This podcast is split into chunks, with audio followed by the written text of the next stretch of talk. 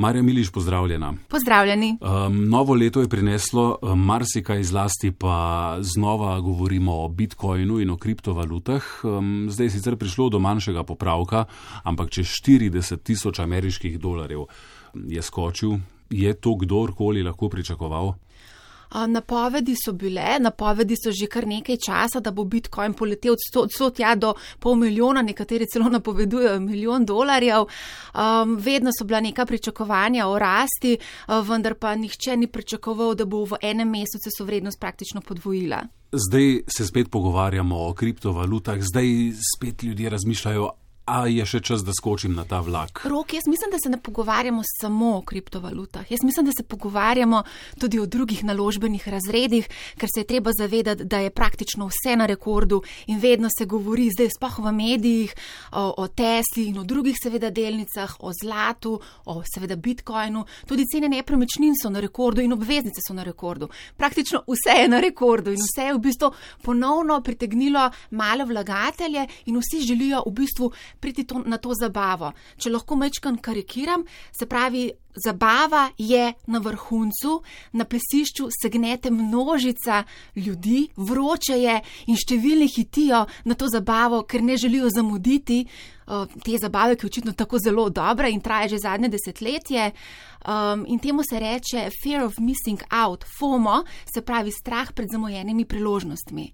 In tečajnica danes poganjajo predvsem čustva. In ko pogledamo indeks strahu in pohlepa, eh, opazimo, da smo v območju pohlepa. Torej, pohlep je tisti, ki danes um, napihuje ta balon. Vprašanje pa je, kdaj bo ta balon počil in kako zelo nas bo bolelo. Ja, in zdaj si tu ti, zato da nam odgovoriš na to vprašanje. Se pravi, je, če se ustaviva vseeno še malo pri kriptovalutah, no, smo zamudili ta vlak?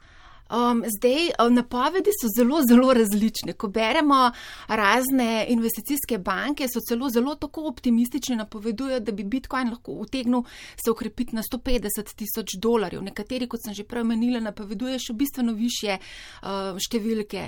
Kaj se bo zgodilo, pa zelo težko napovedati. Poglejva en konkreten primer. Preden sem šla včeraj spat, je bil Bitcoin malce čez 39 tisoč dolarjev. Zjutraj, ko sem se zbudila, je bil 35 tisoč dolarjev sem prišla, je bila cena 33 tisoč dolarjev. Se pravi, v parih urah je prišlo do več kot 10 odstotnega popravka.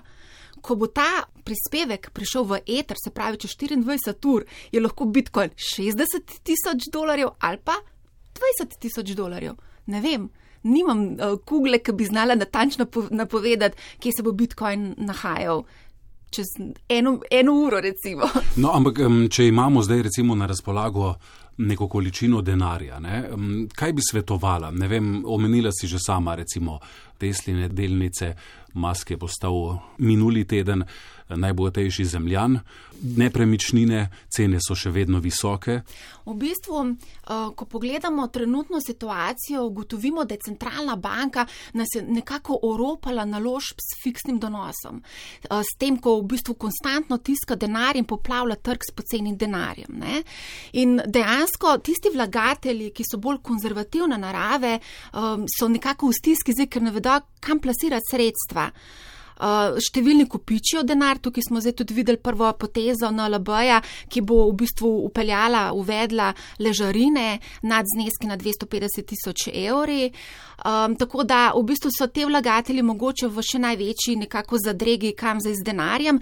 Tisti, ki pa so vseeno malce bolj nagnjeni k tveganju, tistim pa svetujem, da če imajo neko količino denarja, recimo 10 tisoč, 20 tisoč, 5 tisoč, 3 tisoč evrov, naj to količino denarja razdelijo na 24 25 oziroma 36 delov in to lepo mesečno plasirajo na trg. To je veliko boljše, kot da vse v eni točki plasirajo. Se pravi, vse plasirati 15. januarja nima smisla. Lepo počasi postopoma investiramo in tako se bomo izognili drastični izgubi, ki bi jo lahko ustvarili če se seveda sesuje trg. V različne naložbe. Uh, jaz mislim, da je najboljše, da se držimo tega, kar že konstantno, v bistvu pogosto svetujemo tudi pri vas na valu in sicer razpršenost uh, med različne naložbene razrede, z različno časovno komponento. V bistvu samo investiranje ni tako kompleksno, kot si marsikdo uh, misli.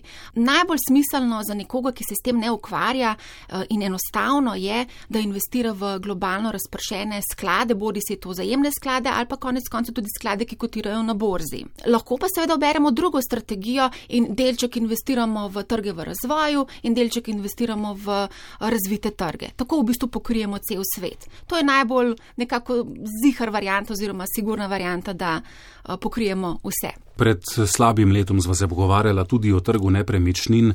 Takrat smo nekako pričakovali, da se bodo morda cene nekoliko znižale, sploh če bo pandemija trajala. Pandemija traja, cene so pa tam nekje. Ne? Cene so se v bistvu kar um, ukrepile, so na rekordnih nivojih. V Ljubljani v poprečju v tretjem četrtletju za staro gradnje uh, se gibljajo okrog 2900 evrov na kvadratni meter. Nekateri celo napovedujejo, da se v naslednjem letu lahko ukrepijo preko 3000 evrov na kvadratni meter. Kar se tiče pa same Slovenije, tudi v poprečju smo zaznali nov rekord in sicer smo prebili magično mojo 2000 evrov na kvadratni meter. Tako da cene rastejo, ali se bo rast nadaljevala, bo pa seveda bomo videli, kaj se bo zgodilo v letu 2021. Eh, Zanimivo pa je, ko poslušamo napovedi analitikov, upravljalcev, zelo optimistično so razpoloženi, zelo bikovsko so razpoloženi in napovedujejo nadaljno rast. To rast bo spremljala, spremljala izrazita nihajnost. Um, je pa seveda tako, na, se mi zdi, da vsako leto napovedujejo rast, pa temu ni tako. Zato je dobro upoštevati, da obdobje recimo nekih korekcij traja od 24 do 36 mesecev. Zadnja korekcija, se pravi leta 2008, ki je bila mal večja, je trajalo 18 mesecev, medtem ko obdobje okrevanja rasti je pa tam v poprečju 7 let. Zdaj opažamo nov rekord na borzi in sicer imamo marca bomo imeli 12. 12 let bikovskega trenda. V soboto sem ujel zanimiv pogovor na temo, kaj se bo zgodilo, če bo pandemije konec in predvidevam oziroma upam, da je slejko prej bo. Kaj se bo zgodilo torej, recimo, uh, katere delnice bodo tiste, ki bodo takrat postale bolj zanimive. Ujel sem recimo namige, da je mogoče zdaj pravi čas za nakup vem, delnic eh, letalskih družb, morda potovalnih agencij, Airbnb. Booking. Ja, tudi hotelov, eh, križark in podobno. Ja, tudi jaz sem to zaznala. Kot rečeno, to so v bistvu nišni, nišni segmenti in eh, ko se odločamo za tako nišno, nišne delnice, naložbe, je vseeno dobro imeti v mislih, da ne predstavlja le manjši del našega celotnega portfelja tam do 5 odstotkov, 10 je pa, odstotkov. Je pa vsekakor pričakovati najbrž, da bodo vrednosti teh podjetij slejko prej zrasle. Ne? Zdaj tukaj veliko čejo. Ne? Če se bo, če bo, zdaj ravno danes zjutraj sem brala, da se je na japonskem pojavil nov sev koronavirusa tako da imamo že, imamo že en sev v Angliji, pa potem v Ameriki, sedaj v na japonskem. Vprašanje, kako bo s cepivom, ali bo tudi učinkovalo, veliko je negotovosti v tem trenutku. Um, definitivno so pa te vse te delnice, kot si omenil, te panoge, trenutno podcenjene. To je res. 22 milijard evrov je na slovenskih bankah denarja um, slovencev, kar mislim, da je celo rekord, tam podatek iz konca novembra, če se ne motim.